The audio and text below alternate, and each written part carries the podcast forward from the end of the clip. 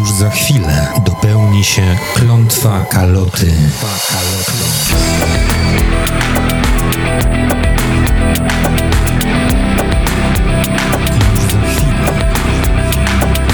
Klątwa kaloty.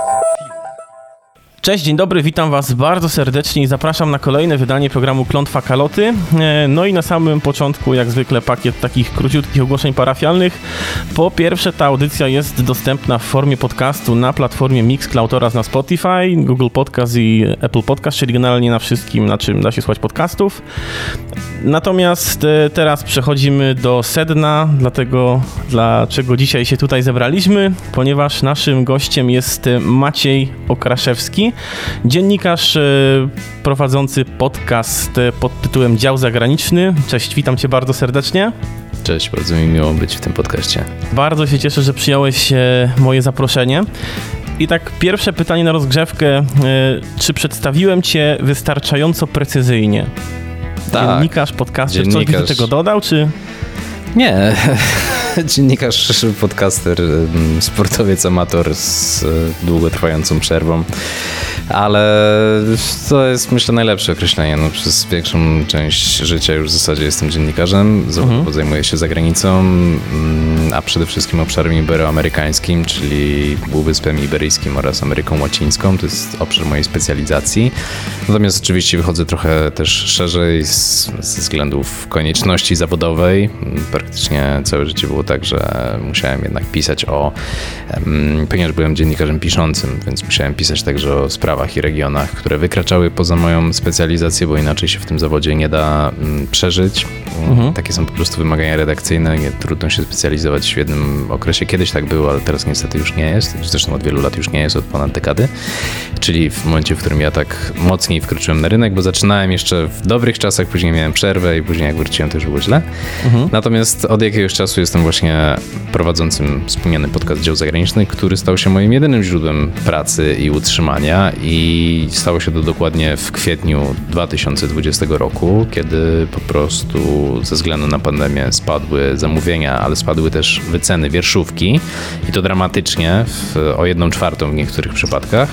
A równocześnie okazało się, że ze wsparcia w serwisie Patronite mam em, już taką sumę, która przekraczała moje ówczesne miesięczne zarobki, czy dorównywała im wtedy w zasadzie, ale niedługo później przekroczyła. Mm, I więc zdecydowałem, że w związku z tym chcę po prostu zajmować się tylko tym, a nie być na łasce i niełasce jak wcześniej. I faktycznie już półtora roku robię tylko ten podcast. Ale jak mówię tylko ten podcast, to tak trochę brzmi, jakbym w zasadzie tylko gadał sobie do mikrofonu, a w rzeczywistości to jest tak, że tam się bardzo dużo dzieje, też rzeczy za kulisami i kilka się jeszcze zadzieje teraz jesienią. Nie chcę o tym jakoś za dużo publicznie mówić, bo nie wiem po prostu kiedy skończę projekt. Mhm. Czyli nie będzie żadnego gorącego newsa na antenie radiospacji? Nie, tylko tyle, żeby się szykować na koniec października. Mam nadzieję, że na koniec października uda mi się skończyć. Mhm. E, I będzie kilka fajnych nowych rzeczy, właśnie dzięki temu wspomnianemu wsparciu w Patronite, który już teraz dawno wykracza poza moje potrzeby finansowe. E, Możemy też o finansach w ogóle pogadać. Natomiast ja ustaliłem tam sobie jakąś swoją pensję. Poza tym oczywiście mam wydatki miesięczne e, różnorakie, czy to ZUS, czy to wynajęcie biura, z którego teraz właśnie się nagrywam, czy, mm, czyli de facto też studia działającego jako studio, bo pierwotnie nagrywałem w kuchni w domu, co było, czasami było problematyczne. Zwłaszcza jak mój pies postanowił się ładować komuś na kolana, był 30-kilkokilowym amstafem. Natomiast teraz nagrywam właśnie w wynajętym studiu, w, które też pełni właśnie, jak wspomniałem, rolę biura. E, jedną osobę już de facto zatrudniam, Kasię Szczerbę, która jest reżyserką dźwięku, inżynierką dźwięku w zasadzie i ustawia mi różne problemy z hałasem, które się pojawiają i tak dalej. Zajmuję się tą obróbką po prostu dźwiękową. Em, I teraz em, zacząłem właśnie realizować dodatkowy projekt za środki, które zgromadziłem w trakcie pandemii. Zrobiłem sobie taki specjalny fundusz i wykorzystałem go już dwukrotnie w ciągu ostatniego miesiąca. Właśnie dlatego mam nadzieję, że jesienią będzie można usłyszeć i zobaczyć efekty tego wszystkiego. Że jest to praca, która wymaga dużo postprodukcji. O, tak bym to określił. Także Znaczy, na, razie bez- ta, na razie zostawię to na tym. No. Bez włażenia w tyłek e, powiem, że będę na to czekał, bo jestem słuchaczem twojego podcastu. Tym bardziej się Dziękuję. cieszę, że zgodziłeś się dzisiaj tutaj przyjść do mnie. E, I chciałem cię zapytać, skoro już poruszyłeś pewne kwestie, e, podtytuł twojego programu brzmi Polskiego czytelnika to nie interesuje. Mm. No i generalnie na swojej stronie piszesz, że zdarzyło ci się parę razy, tak brzydko mówiąc, odbić od drzwi z treściami, z którymi szedłeś do... E, kilka razy, kilkadziesiąt, jak nie kilkaset. Kilkadziesiąt, kilkaset. W każdym razie wiele razy miałeś tak, że przygotowałeś jakiś fajny, kozacki tekst, z którym e, poszedłeś do wydawcy i niestety wydawca powiedział ci tą, tą frazę, która teraz widnieje w twoim logo, że polskiego e, słuchacza to nie interesuje. Bądź czytelnika, bo w tamtych czasach faktycznie Mhm. chodziło o czytelników, ja tylko pisałem, ale tak, tak, faktycznie. Powiedz mi, z czego to twoim zdaniem wynika, że według e, tych jakby twórców tych, bo zakładam, że to były jakieś większe media, prawda, jakieś większe gazety, No, większe największe. wydawnictwa. Dokładnie? Nie chcę wymieniać nazwisk konkretnych, ale są to też znane nazwiska, nie tylko na rynku medialnym, ale są to znane nazwiska w ogóle w Polsce, od których słyszałem dokładnie te słowa. Wiemy o co chodzi, nie będziemy tutaj do nikogo dzisiaj fikać, Mm. ale generalnie zmierzam do tego, dlaczego jest tak, że ci twórcy tych największych e, mediów sądzą, że polski czytelnik nie jest zainteresowany treściami, które ty dostarczasz. Jest bardzo wiele powodów. Mm, Ja bym sięgnął po dwa w tej opowieści. Pierwszy to jest to, że mm, jest bardzo duża centralizacja mediów w Polsce, ogromna w zasadzie. Wszyscy się koncentrują w Warszawie.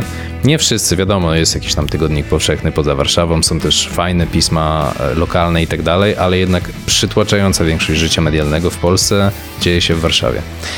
I W zasadzie poza niestety- RMF-ką i telewizją trwam, prawda? tak. Tak, tak, tak. No i, no i jeszcze kilkoma innymi drobnymi ośrodkami, które jednak pozostają bez większego wpływu na to, co się w Polsce dzieje. Faktycznie RMF tutaj jest takim ewenementem Mhm, mimo wszystko, RMF. Mm, ponieważ Radio Storunia nie ma aż takiego przebicia jak RMF, pomimo tego, jaki Zdziwiłbyś się. wizerunek. No jednak... Nie no, wie, wiem o co chodzi, nawet, zgrywam Nawet się nie będę w to wchodził, ale, ale chodzi mi o to, że ta centralizacja w Warszawie sprawia, że mm, w bardzo wielu mediach polskich, takie jest moje wrażenie, pomimo tego, że one są pełne świetnych dziennikarzy z całej zresztą Polski, którzy do tej Warszawy przyjechali, czy to na studia, czy za pracą i tak dalej, którzy by fajnie chcieli opowiadać o na przykład Polsce, trzymając się jeszcze tego tematu, zaraz dojdę do, do zagranicy, to niestety napotykają na ludzi, którzy są na stanowiskach kierowniczych i którzy tę Polskę znają z okien samochodu z grubsza, jakichś konferencji i tak dalej. Takie mam wrażenie na podstawie wielu lat w tych mediach spędzonych, że po prostu bardzo trudno się z kimś rozmawia w centrum Warszawy o na przykład Wałbrzychu. E, Albo o Szczecinie nawet. Mhm. Albo o Gliwicach, w których ja jestem. Albo o Gliwicach właśnie. Ponieważ ci ludzie mają jakieś takie bardzo ograniczone spojrzenie na te miejsca. W zasadzie czerpią informacje na ich temat głównie ze swoich własnych mediów. To jest paradoks, że wiedzą tyle, ile sami pokazują w swoich mediach, czy to, czy to w telewizji, czy w radiu, czy w gazecie. E, I to jest ograniczony bardzo obraz. W związku z czym trudno ich namówić często. To się zaczyna zmieniać w ostatnim czasie, na szczęście, ale przez długie lata było tak, że na przykład z Polski informacje to było, jak oglądasz sobie główne programy informacyjne w polskich mediach, to jest Warszawa i reszta. Tak to mniej więcej wygląda. W związku z czym możemy tę sytuację, tu specjalnie mówię o Polsce, dlatego że łatwiej jest każdemu do tego się odnieść, prawda? No bo mieszkając tutaj i słuchając, może to odnieść do swoich własnych spostrzeżeń i doświadczeń. W przypadku zagranicy to działa z grubsza tak samo. I jeszcze dodatkowy element jest taki, że z różnych powodów, o których można by naprawdę godzinami opowiadać, mm, ale one się sprowadzają do kwestii pokoleniowo- pokoleniowości, do tego, jacy ludzie teraz zarządzają polskimi mediami, z jakiego są pokolenia. I to też teraz się zaczyna zmieniać, ale mówimy o tych ludziach, którzy weszli na polski rynek w latach 90. i znali z języków obcych angielski, jeżeli w ogóle znali, bo nie wszyscy oczywiście znali, ale jeżeli znali, to był język angielski. I to jest też ten okres tej ogromnej fascynacji Ameryką w Polsce. Pod każdym względem, nie tylko w mediach. Oczywiście wszyscy się fascynowali Ameryką, chcieliśmy żyć jak Amerykanie, chcieliśmy być Amerykanami, wszystko co amerykańskie było najlepsze. I to niestety odcisnęło się w ten sposób, że Polsce patrzy się na zagranicę przez pryzmat mediów amerykańskich. Bardzo często. Ci dziennikarze, którzy są jeszcze starszej daty, którzy jeszcze w PRL-u na przykład byli dziennikarzami i którzy znali na przykład francuski, hiszpański, włoski lub inne języki europejskie, oni mieli dużo szersze spojrzenie, dzięki temu, że we wszystkich tych językach jest całe morze informacji, którego nikt nie ma po prostu po angielsku, najzwyczajniej w świecie, Jasne. bo jest, jest dużo niedoreportowanego świata. W związku z czym nagle mieliśmy taką wyrwę. Mieliśmy tych starych dziennikarzy, którzy się orientowali, co na przykład się dzieje w Europie, poza szczytami Unii Europejskiej i tak dalej, co naprawdę się dzieje, co, co, co, o czym rozmawiają ludzie i tak dalej. I mieliśmy tych dziennikarzy, którzy z czasem stali się decyzyjni w polskich mediach, którzy głównie swoją wiedzę czerpali z mediów amerykańskich, a inaczej się przedstawia świat odbiorcy amerykańskiemu, a inaczej odbiorcy europejskiemu, w tym polskiemu, prawda? E, I to też postawiło pewną tamę, i to mniej więcej mm, jest powód, dla którego tak często słyszałem to, że polskiego czytelnika to nie interesuje, ponieważ z punktu widzenia kogoś, kto poznaje świat, nawet jeżeli to będzie New York Times, bo pamiętajmy, że na przykład amerykańskie gazety mają świetne działy o świecie. New, Właśnie New York Times, Washington Post, Los Angeles Times ma świetny dział dotyczący Ameryki Łacińskiej, przede wszystkim Meksyku. E, Miami Herald świetnie pokrywa Karaiby i to całe, nie tylko Kubę, jak się niektórym wydaje, ale w ogóle Karaiby. Są tam bardzo dobrze doraportowane i tak dalej. W związku z czym w mediach amerykańskich można znaleźć te informacje, ale trzeba na to poświęcić trochę uwagi. A wydaje mi się, że ludzie, których mam teraz w głowie, kiedy to mówię, raczej tej uwagi nie poświęcali. Nie wiem z jakich powodów. Może dlatego, że byli leniwi, a może dlatego, że mieli za dużo innych obowiązków, a może jeszcze coś innego. Więc to jest część problemu. Drugą częścią jest internet, klikalność. W momencie, w którym internet wszedł z buta w polskie media, mówiąc kolokwialnie, to zaczęło się ściganie o kliknięcia, ponieważ dopiero teraz w Polsce zaczyna wchodzić ten model subskrypcyjny, czyli żeby jednak te dobre treści dawać za paywall albo w jakiś sposób zachęcać odbiorców, żeby płacili za dobre, wartościowe treści. Wcześniej tak nie było. Wcześniej w internecie wszystko było za darmo. W związku z czym też mm, trzeba było zachęcić ludzi, żeby z tego internetu chętniej korzystali i tak dalej, ponieważ reklama w internecie była znacznie mm, tańsza niż reklama w mediach tradycyjnych. Przez lata tak było, że na internet płacono mniej. Mm, Mimo, że w pewnym momencie ten internet stał się dominującym medium, tak? Teraz to się zmieniło, zwłaszcza pandemia też pozmieniała Zwłaszcza pandemia różne rzeczy. dokładnie. Natomiast wcześniej było faktycznie tak, że liczyło się klikalność przede wszystkim. Dla reklamodawców się liczyło, ile osób kliknie w artykuł. No i pamiętam, jak rozmawiałem, em, jak już nie wymieniamy nazwisk, to też nie będę wymieniał, ale akurat rozmawiałem z redaktorem, którego bardzo sobie cenię, z dużego polskiego portalu internetowego. I on mi opowiadał taką historię, że mieli w wydaniu weekendowym, ponieważ polskie portale w pewnym momencie zaczęli, zaczęły w weekendy próbować pchać takie większe treści, a nie tylko jakieś właśnie clickbaity. No więc mieli w tym, ten sam weekend dwa materiały. Jeden to był materiał z Sudanu Południowego, o ile dobrze pamiętam, bo to tak, bo to już było po podziale Sudanu na, dwa kraje, więc to był materiał z Sudanu Południowego z obozu dla uchodźców, który zrobił dziennikarz, który pojechał tam z polską akcją humanitarną i to był świetny reportaż i 600 tysięcy osób w to kliknęło, co jest jakimś fenomenalnym wynikiem, gdyby na przykład 600 tysięcy osób kupiło gazetę. Ale w internecie wcale nie jest to, a zwłaszcza dla wiodącego portalu, nie jest to świetny wynik, ponieważ tego samego dnia była informacja o tym, że um, żona Lewandowskiego, która nigdy nie pamiętam jak się nazywa, Lewandowska Anna. Ania? Anna, właśnie. Że jest w ciąży, czy urodziła dziecko, już nie pamiętam. No ale jedno z tych dwóch, albo że jest w ciąży, albo że urodziła dziecko. No i w to kliknęło 6 milionów osób. Wow. W związku z czym, jak masz 6 To już jest milionów wynik, jak 600 rozumiem, dla tysięcy, portalu internetowego. Słucham, tak, no to jest tak, to jest Mhm. już wynik. No i teraz rzecz polega na tym, że to jest kolejny duży błąd, który został w polskich mediach zrobiony w pewnym momencie, wynikający właśnie z tego, jak reklama była słabo opłacana i że liczyły się te kliki, a mianowicie, że polskie media zaczęły się w pewnym momencie na, tej, na tym nimbie internetowym ścigać o wszystkich. I jeżeli są takie wielkie portale i tak dalej, no to taki jest ich model biznesowy i to jest okej, to jest zrozumiałe. Chociaż faktycznie w ostatnich dwóch latach przyinwestowali. Natomiast jeżeli mówimy o gazetach albo mediach w ogóle, które się pozycjonowały ambi- jako ambitne, no to to jest droga donikąd, bo jeżeli próbujesz być dla wszystkich, to jesteś dla nikogo i zawsze przegrasz z tą przykładową Lewandowską. Powiem ci, że bardzo się bałem przed tą audycją, że e, twoja natura wywiadowcy sprawi, że będę musiał cię ciągnąć za język i cieszę się, że jest zupełnie inaczej. E, dlatego teraz robimy krótką przerwę muzyczną, szanowni państwo, i za chwilę się po prostu słyszymy znowu, więc do usłyszenia. Trwa klątwa kaloty. E, Wracamy do Państwa, to jest audycja Klątwa Kaloty. Moim gościem jest e, dzisiaj Maciej Okraszewski i rozmawiamy e, na temat, no właśnie, rozmawialiśmy teraz na temat mediów, a teraz będziemy dalej rozmawiać na temat mediów. Boże, to jest najgorsze masło maślane, jakie mogło powstać. Ale chciałem porozmawiać o.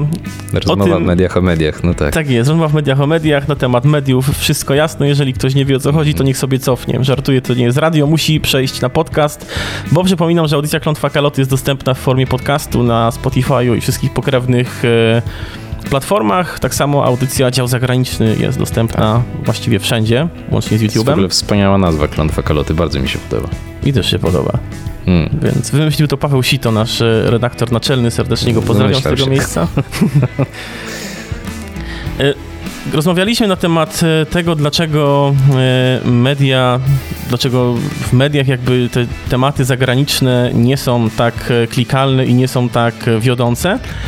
I chciałbym trochę pociągnąć ten temat, bo ja pamiętam, mm. ja jestem dosyć młodym człowiekiem, mam 28 lat, młody, stary, nieważne, ale ja pamiętam, że te programy, które były w telewizji i dotyczyły kwestii zagranicznych, yy, sprowadzały się albo do takiej całkowitej egzotyki, gdzie, gdzie były opisywane te właśnie takie egzotyczne kraje, yy, kobiety w sukienkach yy, z trawy i, i, generalnie ludzie pijący wodę z kokosa, albo mm. takie tematy, jakie poruszał Jacek Pałasiński u siebie, czyli te takie trochę poważniejsze tematy, ale dalej jako taki niedzielny, pobiedni content do ułożenia się jedzenia w brzuszku. Tak. I... Ale wiesz co, no ja jestem mhm. dychę starszy, ja pamiętam, że wcześniej było inaczej. To znaczy, ja pamiętam na przykład taką, ja w ogóle wkręciłem się w zagranicę właśnie dzięki polskim mediom, które były na bardzo wysokim poziomie jeszcze mhm. w latach 90., zwłaszcza Gazeta Wyborcza, która wtedy miała tak rozbudowany dział zagraniczny i tylu korespondentów, że było spokojnie w czołówce światowej wręcz. Mhm. A to nawet nie to, że europejski, tylko w ogóle się ścigało ze światem, co było, co było niesamowite i bez względu na to, co tam kto o Gazecie Wyborczej myśli ze względów jakichś ideologicznych i tak dalej, bo do tego się w ogóle nie odnoszę, tylko odnoszę się do tego, że po prostu ilość informacji, jakość informacji, informacji ze świata była niesamowita. I nie tylko tam, w innych mediach też tak było. Media miały po prostu dużo korespondentów zagranicznych. I pamiętam na przykład, że mm, nawet w Radiu Z, które dziś się kojarzy jako takie radio, gdzie jakiś facet krzyczy rano, że będzie wkręcał kogoś przez mhm. telefon, czasami zdarza mi się to słyszeć i jestem zawsze mocno zażenowany, no to, to Radio Z było takim radiem, które relacjonowało w maju 97 roku zdobycie Kinshasy w Demokratycznej Republice Konga. Mhm. A wiem o tym na 100%, bo byłem akurat wtedy na działce z rodzicami, bo był wiesz, długi weekend majowy czy, czy, czy, coś takiego i ja słuchałem co godzina, czy już zdobyli tę Kinshasę, czy nie zdobyli tę Kinshasę. No coś dzisiaj po prostu nie do pomyślenia, że tak dużo było tych relacji. W związku z czym to faktycznie było. Jeszcze pamiętam przecież program 7 dni świat prowadzony przez Mariana Turskiego który był naprawdę interesującym podsumowaniem wydarzeń ze świata i który był w dobrych godzinach, w takich prime time'owych godzinach w zasadzie na dwójce w telewizji.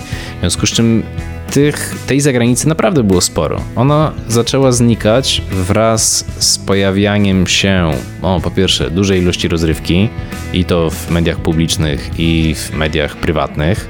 Mm, no i wraz z kolejnymi kryzysami finansowymi i wraz z tym, że wielu z tych dziennikarzy, którzy zajmowało się tą zagranicą i tak dalej, znikało z różnych powodów z zawodu. Niektórzy z powodu metryki, a niektórzy po prostu już byli tak starzy, że przestawali pracować, już zostawali tylko komentatorami, a inni po prostu znajdowali jakieś inne zajęcie dla siebie. I z czasem po prostu wyginęli. Jak, jakby, jakby to nie mówić. Tak, a nie było po prostu nikogo na ich miejsce i takim chyba momentem przełomowym był rok 2008, czyli ja to bardzo dobrze pamiętam. Ja zaczynałem pracować w mediach w 2004. Wcześniej też niby coś robiłem w Radio Łódź, jak byłem licealistą, ale to były takie tam wyskoki powiedzmy. No, raz w miesiącu prowadziłem audycję muzyczną i, i jakąś taką poświęconą sprawom społecznym. Mhm. E, I inne dzieciaki też prowadziły tę edycję i tam bawiliśmy się w reporterów, biegaliśmy trochę z, właśnie z jakąś maszyną do nagrywania, bo trzeba to nazwać maszyną, była wielkości po prostu walizki. I, e, I robiliśmy coś tam w tej naszej rodzinnej łodzi, natomiast tak, żeby zacząć pracować, to ja zacząłem w 2004 i wtedy jeszcze był ten splendor, na przykład my siedzieliśmy, ja to było darmowa gazeta Metro, która należała do Agory i to było piętro niżej niżej, pod działem zagranicznym Gazety Wyborczej. Ten dział zagraniczny Gazety Wyborczej był wtedy jeszcze właśnie taką maszyną, to już była końcówka. Cztery lata później, kiedy międzynarodowy kryzys gospodarczy przeorał rynki reklamowe na całym świecie, w tym Polsce, mimo że w Polsce ten kryzys był ledwo odczuwalny z różnych powodów, to wpłynęło to też na rynek reklamy i wtedy na wielką skalę zaczęto ciąć wydatki, a dziennikarstwo zagraniczne jest po prostu niezwykle mm, chłonne, jeżeli chodzi o pieniądze. Jest kosztowne po prostu. Zwłaszcza jeżeli wykonuje się je w krajach bogatszych od nas, czyli w większości krajów e, tego kontynentu, wszystkich na zachód, tak? Tak I na północ, i w niektórych na południe.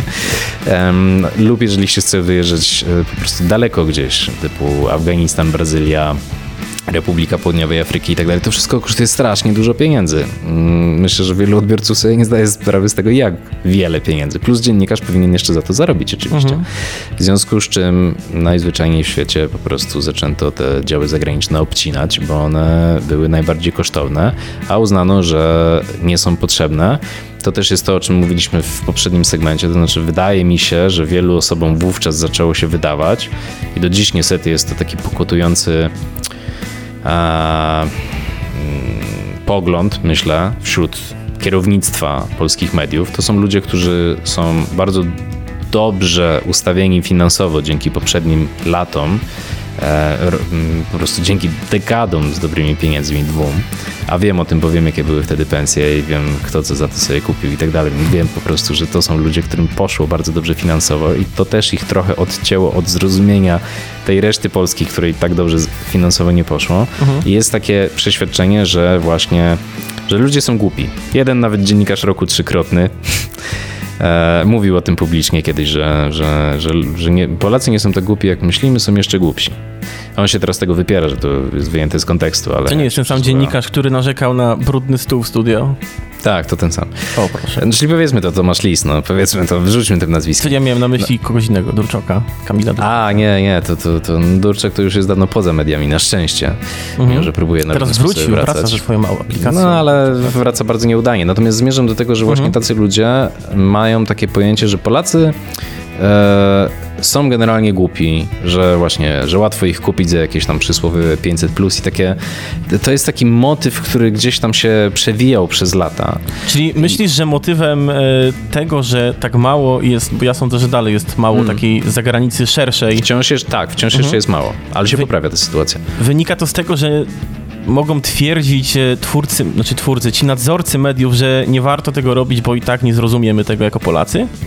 Nie tak, że ja uważam, że oni mogą tak twierdzić, tylko oni tak twierdzą, bo ja to słyszałem na własne uszy wielokrotnie, no po prostu. To, to hasło, że polskiego czytelnika to nie interesuje, to jest hasło, które ja słyszałem, ale też tak wielu moich kolegów i koleżanek po fachu je słyszało, że to jest niewyobrażalne. I tak, to się sprowadza do tego, że mm, był taki właśnie leitmotiv w tych kręgach kierowniczych, że, że no nie, że Polacy się nie interesują tym, co gdzieś tam się dzieje, nie interesują się jakimś powiedzmy rapem z Brazylii na przykład, co ich to interesuje, albo nie interesują się jakimiś wydarzeniami właśnie w RPA i tak dalej, bo po prostu albo w ogóle ich to nie interesuje, albo są za głupi, żeby to zrozumieć i tak dalej, co okazuje się być zupełną nieprawdą, tylko jest kwestia tego, że e, trzeba do tych ludzi dotrzeć, do odbiorców i to z ciekawą informacją, jak im serwujesz zagranicę, która się właśnie sprowadza do szczytów Unii Europejskiej, co, które są super ważne, żeby była jasność. To jest ważne i powinniśmy to wiedzieć, to nas dotyczy i jest to niezwykle e, istotne, żeby po prostu się orientować, co się dzieje na szczytach władzy na Znaczy, ale w Europie. też uważam, że taka zagranica,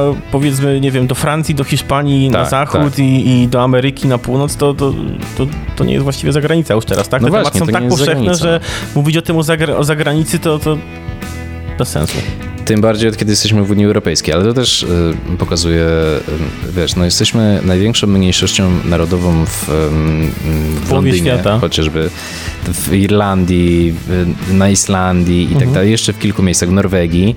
Dlaczego nie ma y, po prostu stałych korespondentów twardo informujących o tamtejszym życiu. Jest na przykład y, kilka osób, które siedzi w Londynie i y, robi stamtąd korespondencję i mogłyby te osoby robić ciekawe korespondencje na temat na przykład życia społecznego w Wielkiej Brytanii, co byłoby interesujące dla odbiorców w Polsce, z których masa ma rodzinę w tej Wielkiej Brytanii, tak? Mnóstwo, tak dużo ludzi tam wyemigrowało, w związku z czym można by opowiadać o tym nowym kraju i o tym, że na przykład dzieci tych ludzi, którzy wyemigrowali, którzy są już de facto Brytyjczykami w tym momencie, więc ich to też dotyczy, więc żeby ich dziadkowie w Polsce wiedzieli, co w tej Wielkiej Brytanii się dzieje, co na przykład ich wnuki porabiają, czym żyją i tak dalej, tak? Nie ma takich informacji. Informacje z Wielkiej Brytanii w Polsce to jest, że Boris Johnson to, Boris Johnson tamto, lub ewentualnie jak mm, coś się Stanie coś przykrego, jakimś- niestety. tak, coś przykrego, albo jeszcze na przykład, jeżeli coś dotyczy bezpośrednio Polaków, na przykład e, polski kelner będzie tańczył i śpiewał, albo jakiś, nie wiem, polski przestępca wielki i tak dalej. Ale, ale nie ma informowania o życiu codziennym Wielkiej Brytanii, takiego powszechnego i dogłębnego, mimo że jest tam po prostu morze tematów, tak? I to też pokazuje, że po prostu podejście do tego, jak o zagranicy opowiadać, jest e, bardzo sztampowe i bardzo ograniczone i tak dalej. Przy czym znów, i to warto podkreślić, to się zaczyna zmieniać dzięki internetowi. Powstaje bardzo dużo inicjatyw, ale Chciałem też... powiedzieć, że ta, ta zagranica uciekła do podcastingu, bo tych podcastów Tak. naprawdę się dużo urodziło, a jeżeli tak jest, to znaczy, że jest na to popyt, prawda? No jest na to popyt, no wiesz, no jeżeli spojrzysz na...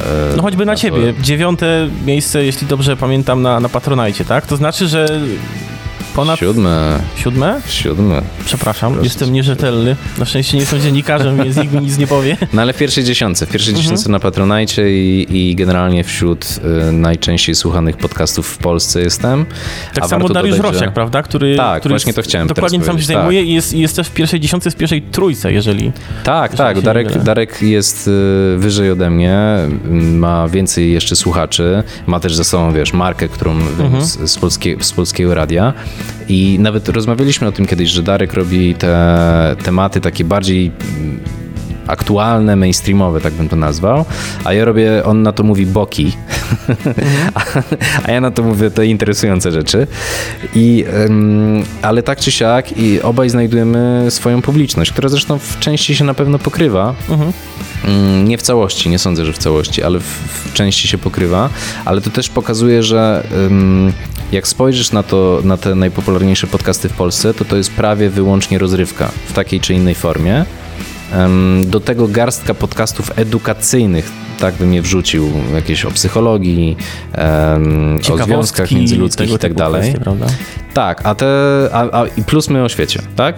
A do tego przecież jest dużo programów mm, politycznych, e, czy to Onetu, czy to RMF-u, czy to Tygodnika Polityka i one się tak nie przebijają. Gdzieś tam dobijają, ale się nie przebijają nade mnie i nad Darka. W związku z czym to pokazuje, że o tej polityce w Polsce też mówi się moim zdaniem sztampowo. No, można by to robić lepiej, ale to już nie moja sprawa. Ja, Znaczy ja bardzo długo szukałem polityką. medium na przykład, które odnośnie polskiej polityki byłoby na tyle interesujące, że mogłoby zastąpić telewizję, która Mm. no zawsze bądź co bądź będzie zaznaczona lewą albo prawą stroną, choćbyśmy nie wiem jak szukali, zawsze taką, no, nie, nie potrafię znaleźć na przykład osobiście medium w Polsce, które byłoby w pełni obiektywne w tym, co mówi. Ja Nie, nie, ale to też ja uważam, że nie ma dziennikarskiego obiektywizmu, ponieważ każdy dziennikarski obiektywizm, rozumiany w ten sposób, że jest zawsze neutralny, e, to jest fantasmagoria, która nie istnieje w rzeczywistości z dwóch powodów. Po pierwsze, e, to jest tak.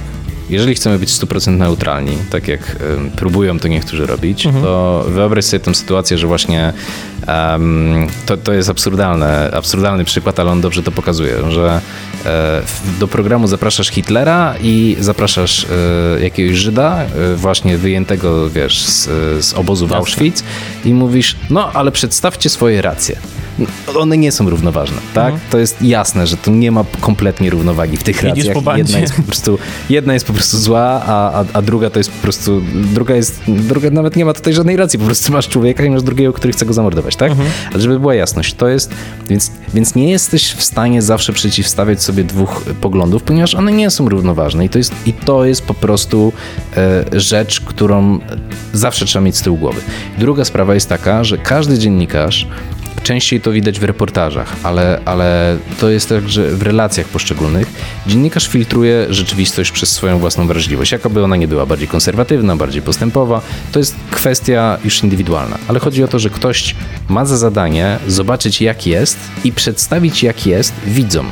I zadaniem jest przedstawić to jak jest w możliwie najpełniejszy sposób, żeby odbiorcy sobie byli w stanie wyrobić swoje własne zdanie.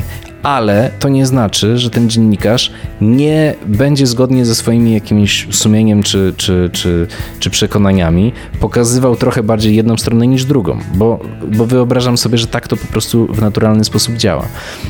Jedynym czym... miejscem, które ja znalazłem, które no. byłoby w miarę obiektywne na tej zasadzie, że to kupuje jednej drugiej stronie, Mm. Jest podcast Stan po burzy, gdzie naprawdę nikogo Stan nie oszczędzają. Tak, tak. Tak, tak, tak, tak. A, ale no właśnie e, nikogo nie oszczędzają. Też mi się, to, co mi się nie podoba w polskim dziennikarstwie, to, że przyjęło się, że ono musi być agresywne, że musisz po prostu walić w innych tych. A wystarczy Ale polska polityka zapraszać... też jest agresywna, jeżeli mówimy o No tak, ale polska, polska polityka jest agresywna, ponieważ to podnosi słupki oglądalności, w związku z czym wydawcy lubią pozapraszać sobie osoby tak zwane wyraziste, mhm. które powiedzą jakieś głupoty w studiu albo na siebie pokrzyczą i tak dalej, zamiast zapraszać ludzi, którzy po prostu są specjalistami w swoich sprawach, tak? I ja to na przykład, ja tego nienawidzę, dlatego ja nie oglądam już od bardzo dawna telewizji, a czasami jak odwiedzam moich rodziców, a oni oglądają bardzo dużo informacyjnych kanałów, chcą, chcą być dobrze poinformowani i ja po prostu po pięciu minutach mam dość. To jest dla mnie nie do jak wyglądają programy polityczne w Polsce. Nie mówię, że stan po burzy tak wygląda. To jest podcast prowadzony przez Andrzeja Stankiewicza i e, Agnieszkę Burzyńską. tak, Andrzeja Stankiewicza i Agnieszkę Burzyńską, którzy są dobrymi dziennikarzami. Natomiast y, mnie to po prostu nie do końca interesuje. Polskiego słuchacza to nie interesuje. Więc ja tego jakoś tam bliżej nie śledzę, ale wydaje mi się, że mm, w Polsce przydałoby się trochę mniej polityki, a trochę więcej spraw społecznych. O, że politykę można lepiej zrozumieć przez pokazywanie spraw społecznych, a pokazuje się je za rzadko. Moim Szanowni zdaniem. Państwo, krótka przerwa. Słyszymy się już za chwilę. Trwa klątwa kaloty. Szanowni Państwo, wracamy do Was. Przemysław Kalota, Maciej Okraszewski, audycja Klątwa Kaloty, Radio Spacja. E, rozmawiamy na temat, jak się okazuje, głównie dziennikarstwa, dlatego teraz przejdziemy do tematu Twojego podcastu. Chciałbym Cię zapytać o to, w jaki sposób e, wybierasz tematy, które są interesujące dla Ciebie i dla Twoich słuchaczy. Ale zanim zadam Ci to pytanie, chciałbym tylko przytoczyć to, w jaki sposób w ogóle się tutaj dzisiaj spotkaliśmy. Mhm. Ponieważ jakiś czas temu, kiedy no, działy się te nieszczęścia w Afganistanie, które były yy, w Afganistanie, prawda? Nie pomyliłem nic. Nie, znaczy w wielu miejscach się dzieją nieszczęścia. Tak, ja mówię o ofensywie talibów, która się, która się działa tak, w tak, Afganistanie. To, to, w Afganistanie. Tak, napisałem do ciebie jako po prostu fan, czy, czy jest opcja, żebyś zrobił o tym jakiś podcast szerszy, gdzie będzie można się dowiedzieć e, no właśnie tego, dlaczego tak się dzieje, po mhm. czym napisałeś mi, że jest za wcześnie na to, że, tak. że jakby teraz ten temat jest wszędzie i, i, jest za bardzo klikalny, żebyś ty, ty go wziął, przynajmniej tak to rozumiałem. Tak, tak, dobrze to zrozumiałeś. W jaki sposób zatem ty wyszukujesz y, gości i tematy do twojej audycji i czym się kierujesz?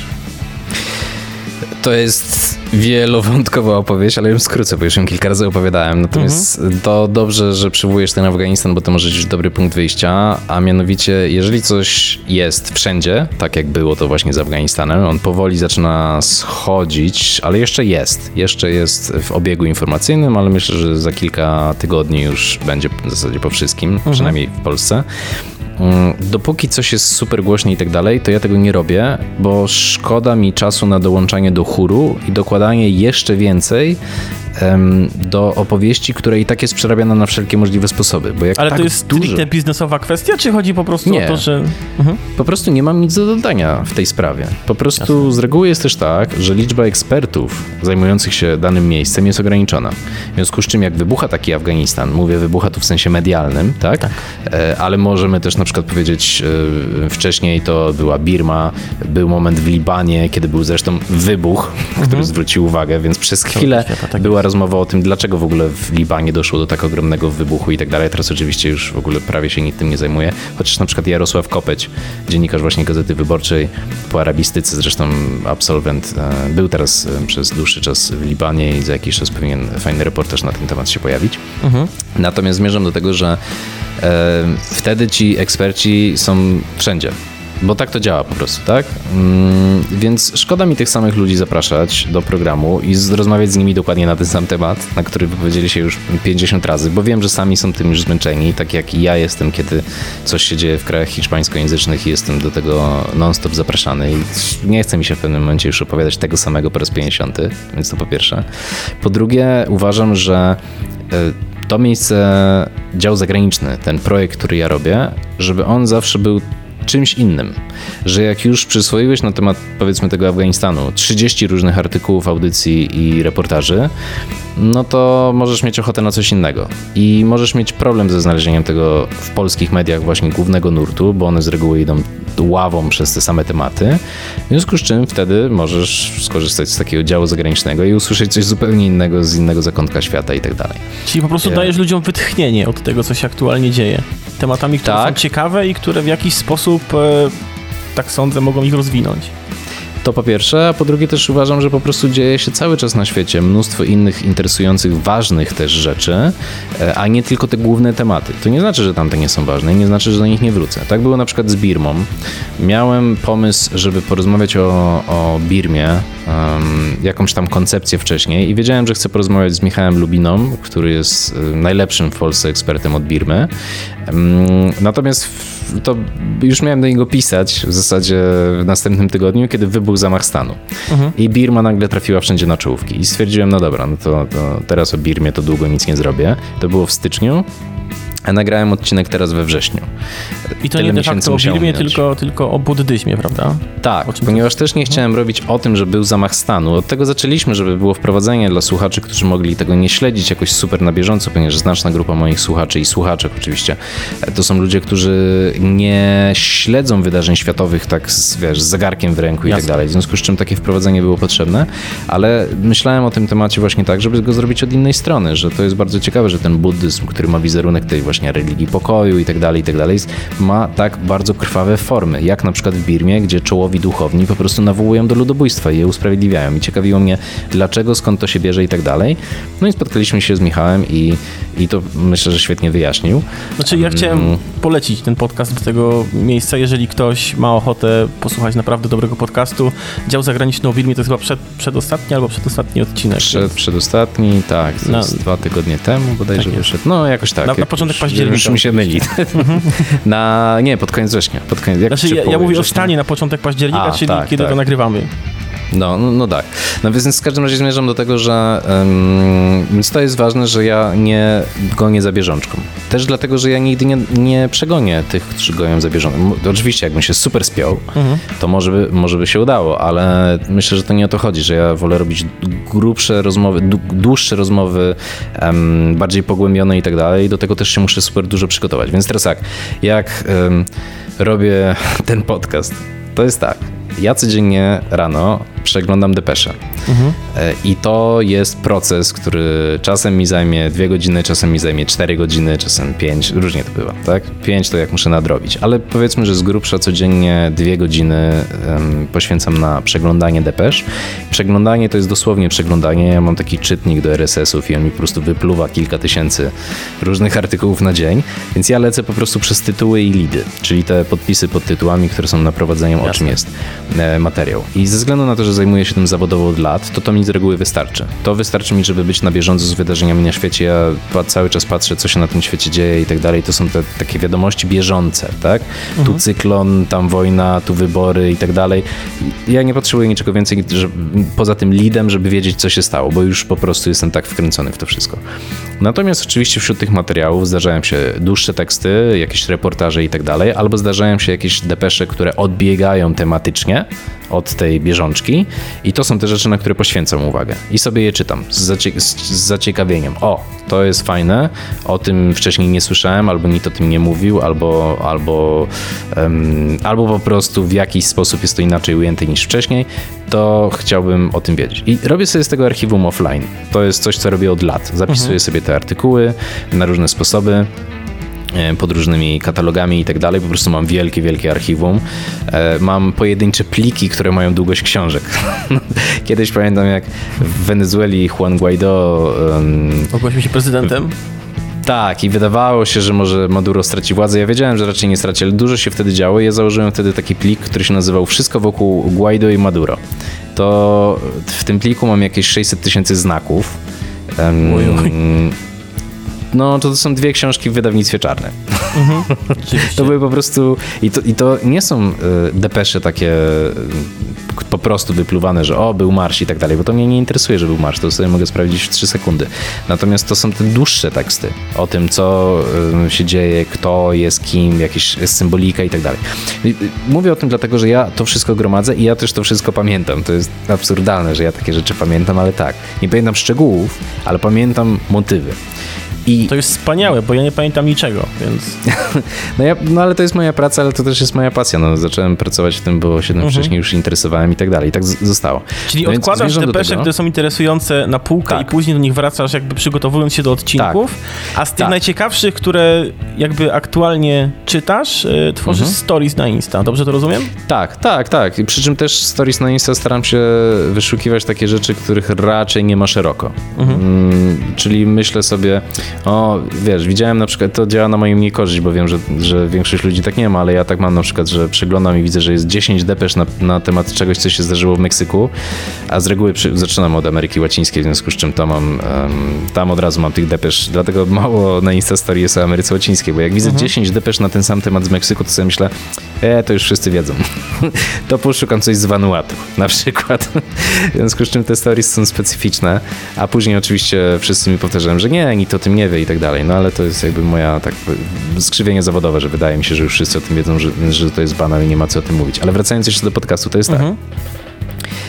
Przeglądam sobie te depesze i na przykład trafiam na taką, która jest w jakiś sposób interesująca, nie- nietypowa. I coś mi klika i myślę sobie, o, pół roku temu, albo rok temu, albo półtora roku temu, albo jeszcze wcześniej, coś więcej na ten temat było. Zapisałem to sobie i sprawdzam to.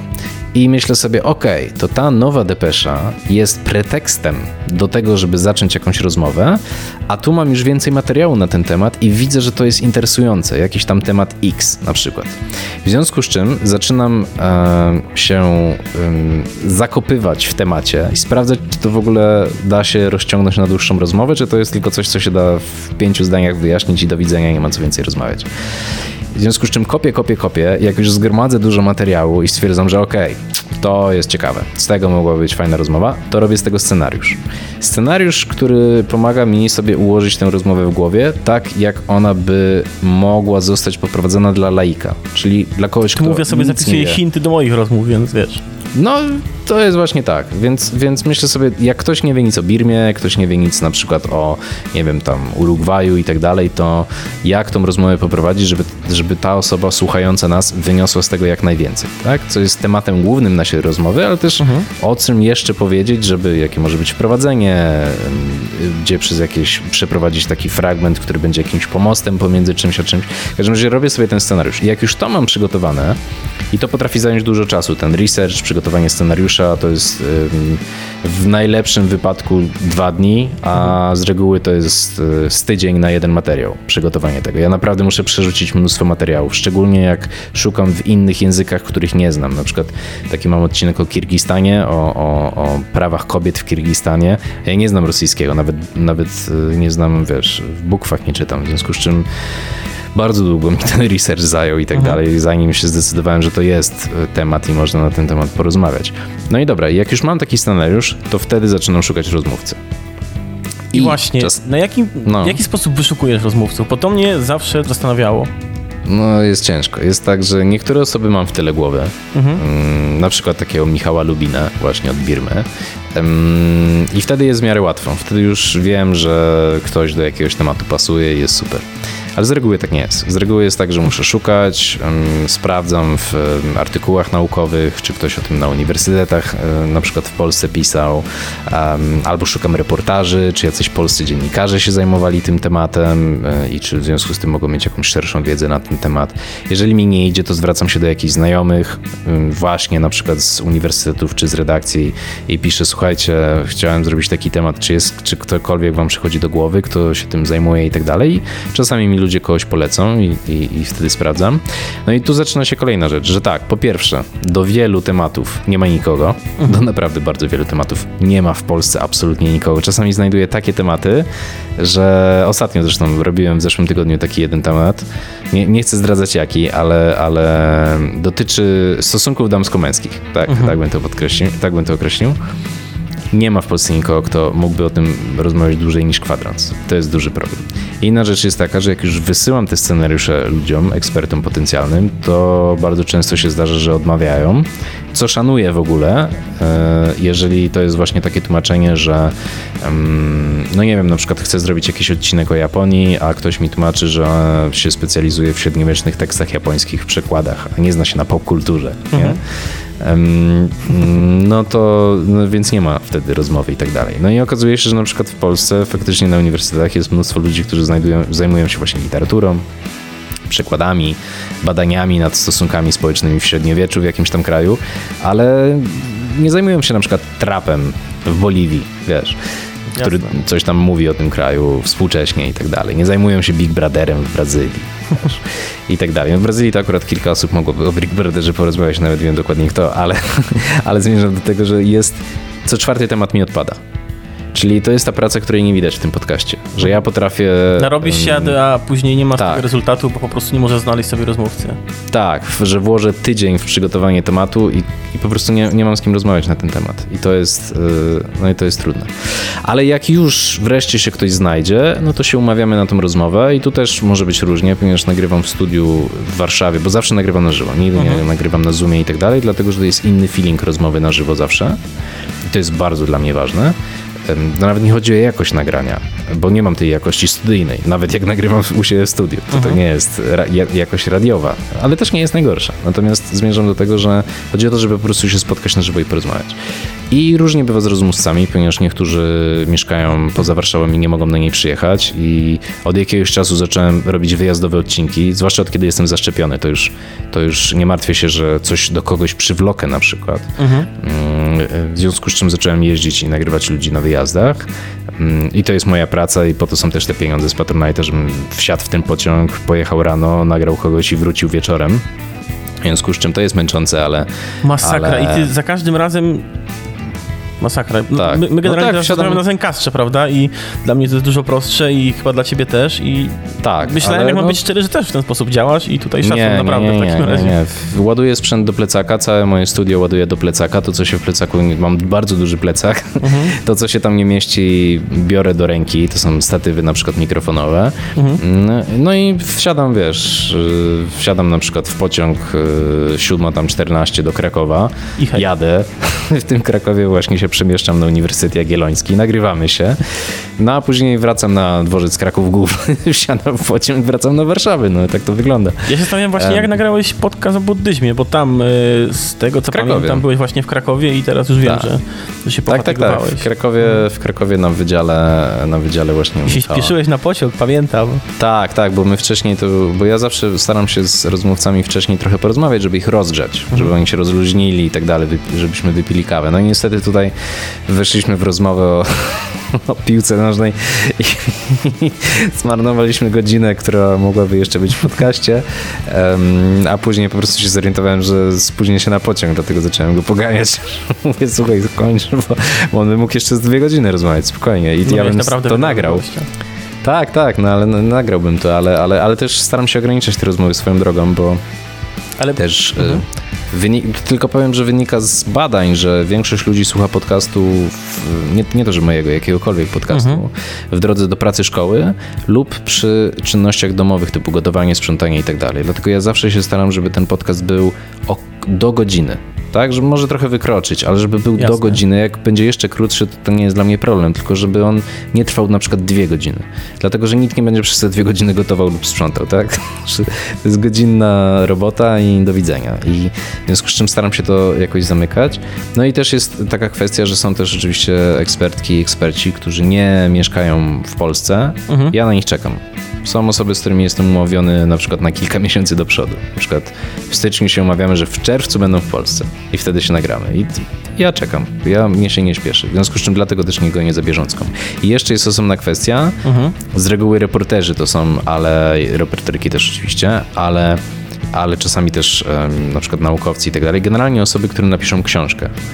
Um, bo gości u mnie dużo osób, którzy są autorami, autorkami książek. Tak jest. I to też jest istotne, że tych propozycji książkowych to ja dostaję mnóstwo cały czas. Ja nie biorę żadnych pieniędzy od wydawnictw, żadnych takich rzeczy. To nie są żadne lokowania produktów, nie ma żadnego barteru.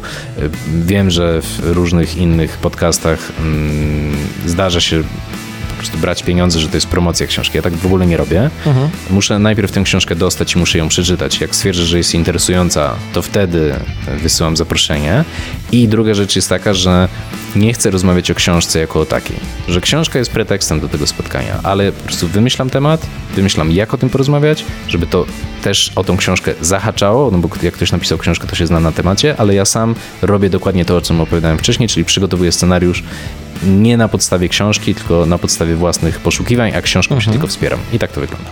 Spoko. Szanowni Państwo, chwila przerwy. Jesteśmy za chwilę znowu z Wami. Trwa klątwa kaloty.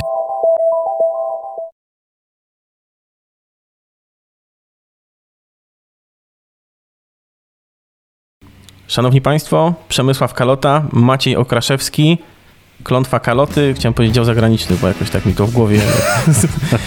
Zawsze jak komuś polecam, to mówię Maciej Okraszewski, dział zagraniczny, a teraz powiedziałem to, ale to jest Klątwa Kaloty, y, mimo mhm. wszystko.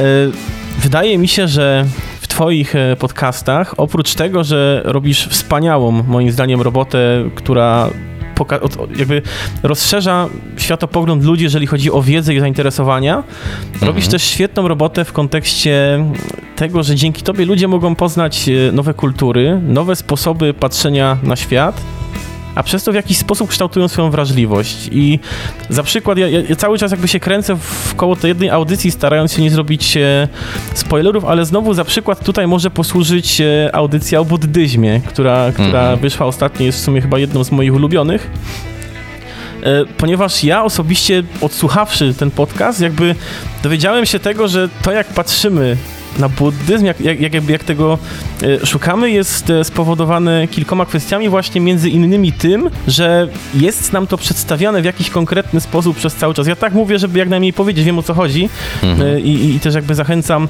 słuchaczy do tego, żeby sami odsłuchali twoją audycję i skłania to do takiego przemyślenia, jak wiele jest takich tematów, które my znamy w jakiś sposób, czy to przez stereotypy, czy to przez taką ogólnie przyjętą opinię, a tak naprawdę wygląda to zupełnie inaczej, tylko trzeba wejść w buty drugiego człowieka, kogoś, kto, kto mieszka gdzieś indziej, żyje gdzieś indziej i jakby w tych butach się przejść. No jest mnóstwo takich tematów, cały mhm. ogrom takich tematów. To jest jakby, jest morze stereotypów, które zawsze gdzieś tam oczywiście jakoś y, są zahaczone w prawdzie, bo stąd się, wiadomo, te stereotypy biorą. Mhm. Natomiast przez to, że my jako kraj mieliśmy przez lata, czy właśnie nie, no, no, właśnie, to też jest stereotyp. To nie jest tak, że my y, nie byliśmy obecni na świecie. Tak? Mhm. Jako Polacy, na przykład polska emigracja do Ameryki Południowej była wielka, niewyobrażalnie duża. Nie? To jest coś, czego w szkołach w ogóle się nas nie uczy. Ale w samej Jak Brazylii bardzo jest bardzo dużo Polaków, prawda? Tak. Dość powiedzieć, że jedna z głównych marek, która produkuje yerba mate, czyli ten południowo tak. y, a amerykański napój, powiedzmy to w cudzysłowie herbaciany, to jest firma założona przez Polaka, to jest firma Amanda. Tak, ale to akurat w Argentynie. Oj, sorry. W prowincji prowincji, w prowincji Misiones, które przylegają do Brazylii. Tam to, to pogranicze argentyńsko-urugwajsko-brazylijskie jest bardzo spójne kulturowo też. E, ta kultura gauchos, czyli, czyli kowbojów takich południowoamerykańskich, ona jest wspólna dla całego tego pogranicza. Południe Brazylii też e, faktycznie e, pije matę. Mhm. Mm, e, to nie jest tylko właśnie kwestia argentyńska czy urugwajska, jak się, jak się właśnie stereotypowo może wydawać. Jako specjalista od e, południowej Ameryki pijesz matę czy pijesz kawę? Pijałem, pijałem maty, matę dużo, zanim piłem kawę. Kawę zacząłem pić dopiero jak się przeprowadziłem na stałe do Hiszpanii. Mhm. E, a teraz nie piję, matę w ogóle nie piję, pi, popijam. Czasami, jak ktoś gdzieś ma, ale sam przestałem kupować. Mhm. A kawę staram się ograniczać, bo mam tendencję, że jak już zacznę pić kawę, to wypijam około garnka yy, i później mam jakieś palpitacje. Muszę, Znam to niestety bardzo dobrze. Kawę, niestety. Natomiast yy, smakuje mi bardziej kawa chyba, Mhm. jeżeli chodzi o smak. Tylko też zależy jaka i tak dalej. No nie będę się już wkręcał wszystko. Mhm. No jasne, kumam Na- o co chodzi. Natomiast faktycznie jest tak, że tych stereotypów, bo od tego zaczęliśmy, jest całe mnóstwo i mój podcast też służy jakoś, może nie tyle ich rozwiewaniu, bo ja nie mam za cel postawionego rozwiewania stereotypów. To nie o to chodzi. Ja chcę po prostu, żeby to był program, w którym sięgamy głęboko do jakichś takich spraw właśnie kulturowych, poprzez które możemy lepiej zrozumieć dane miejsce. I tu, jak przywołałeś akurat mm, tę edycję o buddyzmie, no to ona dla wielu osób była właśnie takim wow, bo, bo, bo ten buddyzm ma u nas taką, taką opinię właśnie tej religii pokoju. No widzimy się, że- buddystów jako dziadków siedzących po turecku tak. i odprawiających mantry, a okazuje się, że jest zupełnie inaczej i Co jest zupełnie inaczej, dokładnie. że chyba nie można mieć bardziej błędnego przekonania. Nie, ale też e, swoją drogą to też jest ciekawe, że e, w wielu krajach azjatyckich m, rozumienie chrześcijaństwa jest też bardzo stereotypowe. Tak? Mhm. Wiele osób nie rozumie różnicy pomiędzy katolicyzmem, e, protestantami, zielonoświątkowcami i, i tak dalej, i tak dalej. To wszystko jest, a jeszcze oczywiście prawosławnymi i tak dalej. Dlaczego na przykład jedni księża mają żony, a inni nie mają? nie? Więc, więc to działa w dwie strony. To nie jest tak, że albo na przykład historia, bo wspomniałem tutaj Hitlera w jednym z poprzednich segmentów. W wielu krajach azjatyckich, jeżeli jest już jakaś wiedza na temat zbrodni z czasów II wojny światowej, to jest to wiedza na temat zbrodni japońskich, a nie niemieckich. E, Co z kolei w, na przykład w naszej, e, na naszym kontynencie jest już e, na odwrót, prawda? No my oczywiście wie, wiemy, co, co robili Niemcy, natomiast zresztą nie tylko Niemcy, ale, ale na przykład na temat zbrodni japońskich w Azji mówi się tu u nas stosunkowo niewiele. A one były ogromne też. To było, to było straszne, co tam się działo. Zresztą nie tylko to jest, jest wiele różnych straszliwych zbrodni na całym świecie, tak? W historii najnowszej również, niestety. A chociażby kolejny przykład, żeby sięgnąć, tak? Ludobójstwo w Ruandzie, które jest powszechnie znane. A mało zupełnie osób wie o tym, że identyczna sytuacja była w sąsiednim Burundi, gdzie zaczęło się nawet wcześniej i tam skala ofiar była trzy albo czterokrotnie niższa, bo się ocenia, że między 200 a 300 tysięcy osób zostało tam zamordowanych. No ale to wciąż jest porażające, a o tym ludobójstwie w Burundi praktycznie nikt nie wie. Mm, Także, także ja myślę o swoim programie jako o takim miejscu, który ma być źródłem wiedzy głębszej, mniej znanej, mniej poruszanej, a istotnej dla zrozumienia jakiegoś miejsca. Więc to nie chodzi o żadne odkłamywanie, to nie Mhm. chodzi też o przekonywanie, ale na pewno istotnym elementem jest to, co em, wiem też po swoim przypadku, tak, nie jestem z Warszawy, z jakiejś rodziny dyplomatów, czy nie wiadomo kogo i ja ten świat poznawałem stopniowo, wyjeżdżając właśnie najpierw z Łodzi do, do Warszawy, a później z Warszawy za granicę i tak dalej, że w tym przysłowiu, że podróże kształcą, one nie jest takie do końca prawdziwe, bo wystarczy spojrzeć na Wojciecha Cejrowskiego, żeby się przekonać, że nie zawsze Może mam tak nadzieję, jest. że do redakcji nie wpłynie żaden pozew po tej audycji. Bo już E, Nie, no nie sądzę. Ja do pana Cejrowskiego podskoczyliśmy, do pana Durczoka, do pana Lisa, więc... Ale nie, nie mówię, nie mówię o Totalny żadnych rzeczy, które by były za, za pozew. No, natomiast chodzi mi tylko o to, że na przykład jak już ja mówimy o buddyzmie, jest taki, jest taki słynny właśnie program, e, odcinek programu Wojciecha Cejrowskiego, gdzie on e, stoi em, Tak, bodajże w Birmie właśnie, albo, albo w Tajlandii, stoi naprzeciwko jakiejś pagody i zaczyna po prostu, e, O, no, obrzydliwy po prostu wyzywać odcinek, tych ludzi. być tak. szczery. Obrzydliwy jest ten odcinek. Ja powiem Tak. ci, że jak no za młodych czasów po prostu pochłaniałem książki Wojciecha Czajrowskiego. Mhm. Kiedy miałem okazję go spotkać y, pierwszy raz, kiedy był u mnie w Gliwicach, byłem naprawdę najszczęśliwszy na świecie, jeszcze kiedy zbiliśmy grabę po tym spotkaniu. Mhm. Wiem, że teraz to może nie brzmi jakoś, y, jakoś szczególnie, ale ja naprawdę ceniłem wtedy pana Wojtka za Ale to. ja to rozumiem, no jasne. To no, właśnie, ale odcinek e, między innymi o tym, jaki miał stosunek do buddyzmu, był okropny. Tak. Nie dość, że był strasznie taki zacietrzewiony, ten przekaz tego wszystkiego, jakby tak od no, on był góry... obraźliwy przede wszystkim dla tych ludzi. No. Był chamski przede wszystkim. Tak, tak, tak. Tu chodzi też, żeby, żeby była jasność. Ja, y, ja jestem ateistą i ja nie cenię sobie ani buddyzmu, ani chrześcijaństwa, ani islamu, ani żadnej innej religii. Mhm. Natomiast E, Nie wyobrażam sobie po prostu ludzi ordynarnie obrażać, e, twierdzić, że są jakimiś ciemniakami i tak dalej. To jakby to jest... To jest strasznie żenujący poziom. Natomiast do czego zmierzam? Chciałbym odbić od tego Cejrowskiego. Mam nadzieję, że wszyscy to zrobią kiedyś w przyszłości. Nat- Natomiast zmierzam do tego, że bardzo wiele osób ma jakieś wyobrażenie o świecie, które niekoniecznie oddaje rzeczywistość. Ja tak na przykład też miałem, jak y, pojechałem, y, wiesz, Włochy znałem tylko z jakichś takich wyjazdów, ponieważ y, nie mieliśmy tam nie wiadomo ile pieniędzy na te wycieczki włoskie. Jak pojechaliśmy właśnie, rodzice nas wysłali, mnie i mojego zresztą najlepszego kolegę, z którym później zrobiłem jeden materiał, to jest osobna historia, ale pamiętam jak pojechaliśmy jako nastolatki do tych Włoch i tak dalej, no to my mieliśmy styczność tylko z jakimiś włoskimi drasiarzami ciężkimi.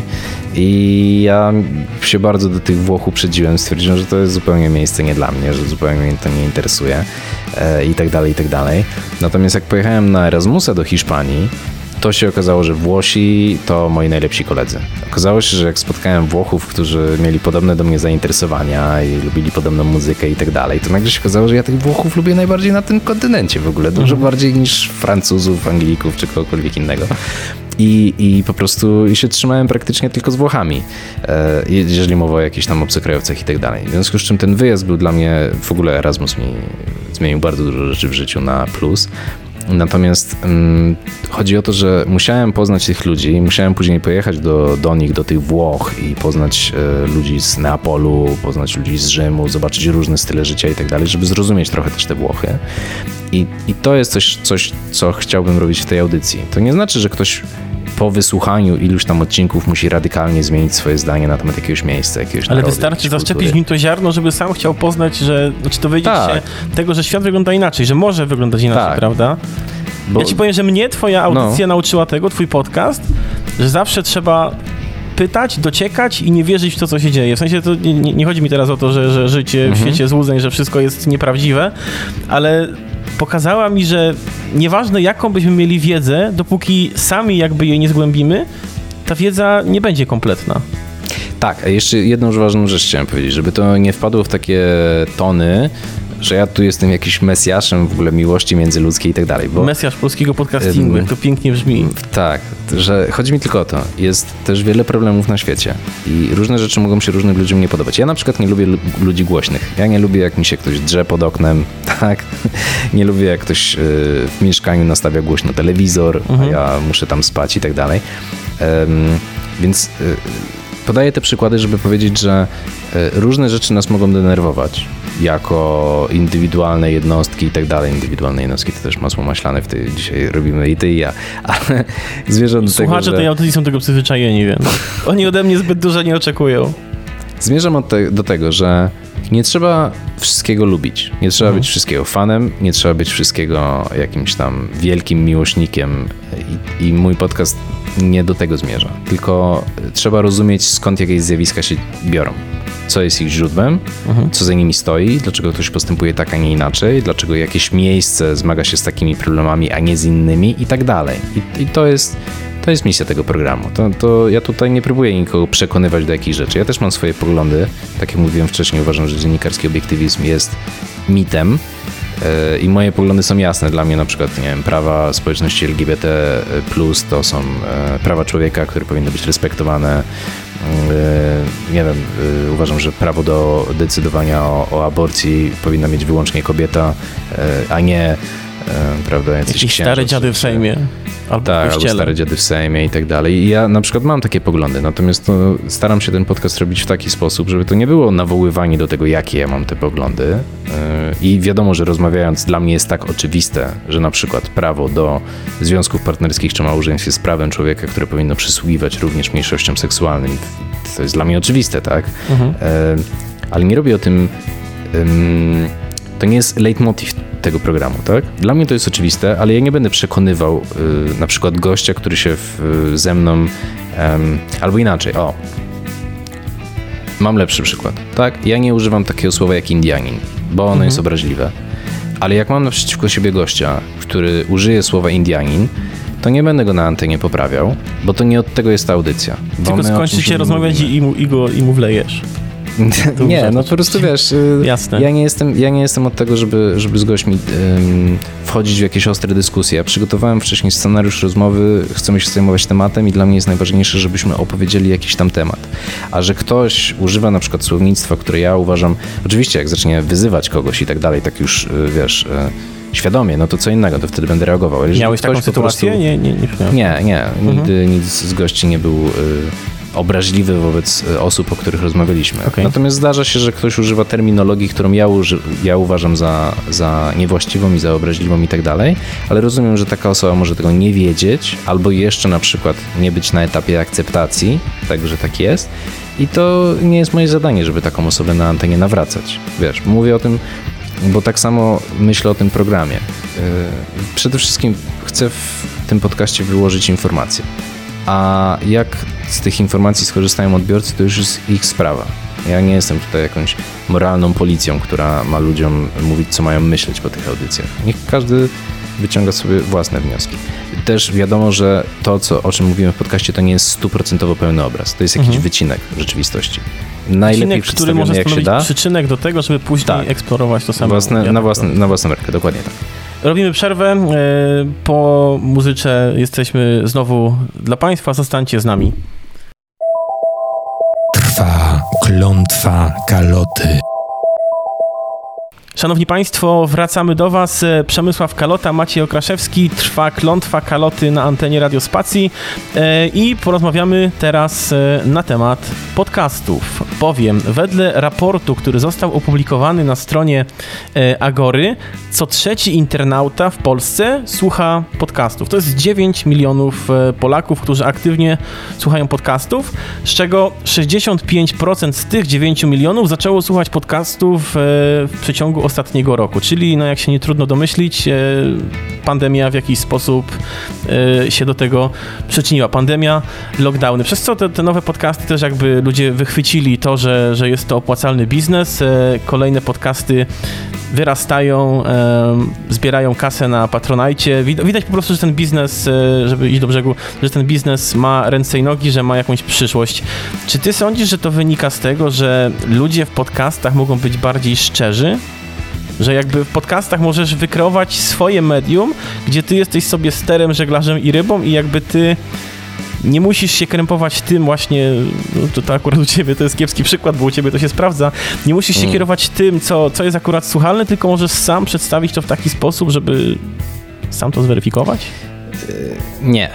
Pierwsze zacznę od tego, że uważam, że te dane nie są prawdziwe. Mhm. One są przesadzone. To nie tak, że ktoś tam skłamał. Natomiast myślę, Okej. że te 9 milionów Polaków to są, to obejmuje też grupę ludzi, którzy gdzieś tam jakiegoś podcastu przy okazji wysłuchali i tak dalej, że te dane nie są mm, do końca rzetelne, dlatego że jak się spotykamy w gronie tych najpopularniejszych podcasterów czasami i sobie tam porównujemy odsłuchy i tak dalej, to oczywiście ludzie słuchają różnych podcastów i ktoś, kto słucha podcastów na przykład kryminalnych, niekoniecznie słucha tych o świecie, ten, kto słucha tych o świecie, niekoniecznie słucha jakichś podcastów o związkach, ten, kto słucha o związkach, niekoniecznie słucha naukowych, więc ta grupa jest oczywiście niekoniecznie zazębiająca się, jest duża, ale 9 milionów stale słuchających podcastów Polaków to jest jednak jeszcze przesadzone. Ja myślę, że to jest bliżej 4,5-5 milionów.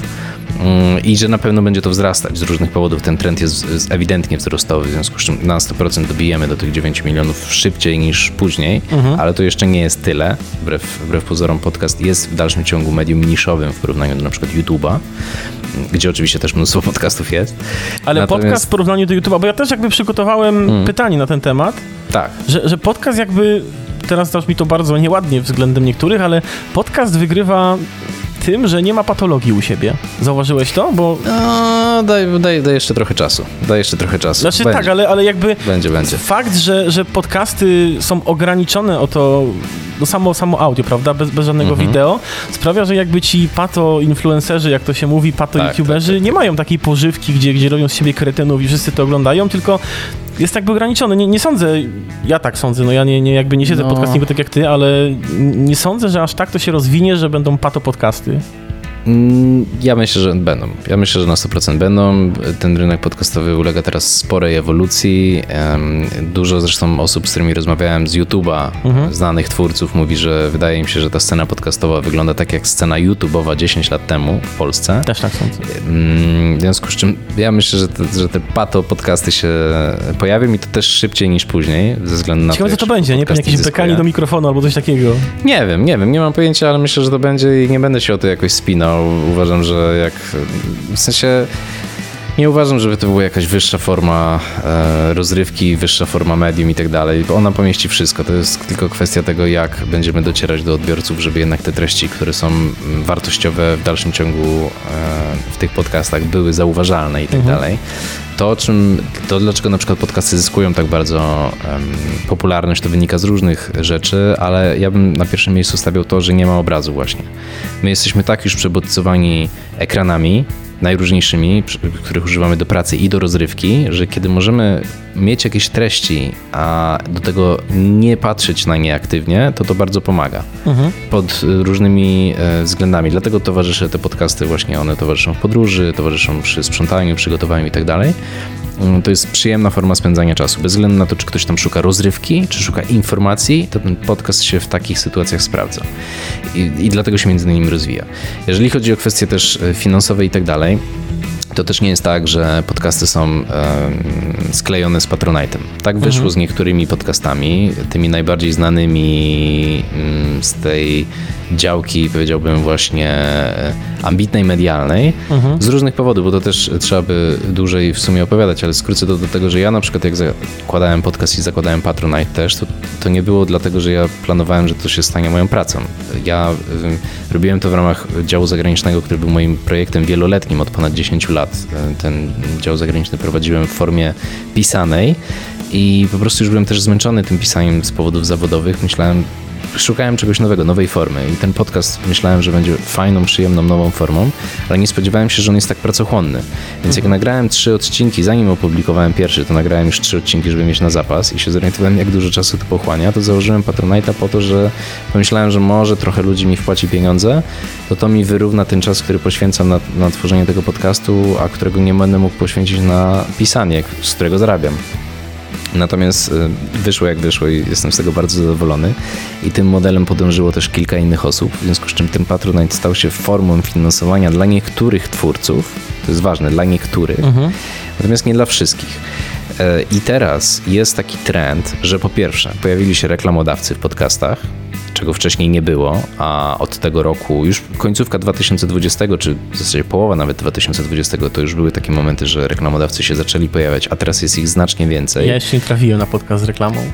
O, może o Oprócz wiesz po pana. Rosiaka i, i firmy Czystuś, którą chyba każdy zna. więc- E, To cię zapewniam, że może nie słuchasz tych podcastów, ale Mhm. są takie, gdzie reklamy są, ale możesz sobie z tego nie zdawać sprawy. Ja na przykład, to też taka ciekawostka, że ja dostaję różnie, w zależności od miesiąca, ale w ciągu miesiąca potrafię dostać od jednej do kilkunastu Mhm. propozycji reklamowych, e, które wszystkie odrzucam, bo, bo dla mnie to nie jest zupełnie mój model działania. Ale dlaczego to Co nie? Dlatego, że masz kasę z Patronite'a i nie czujesz Tak. potrzeby brać od ludzi jeszcze, czy... czy...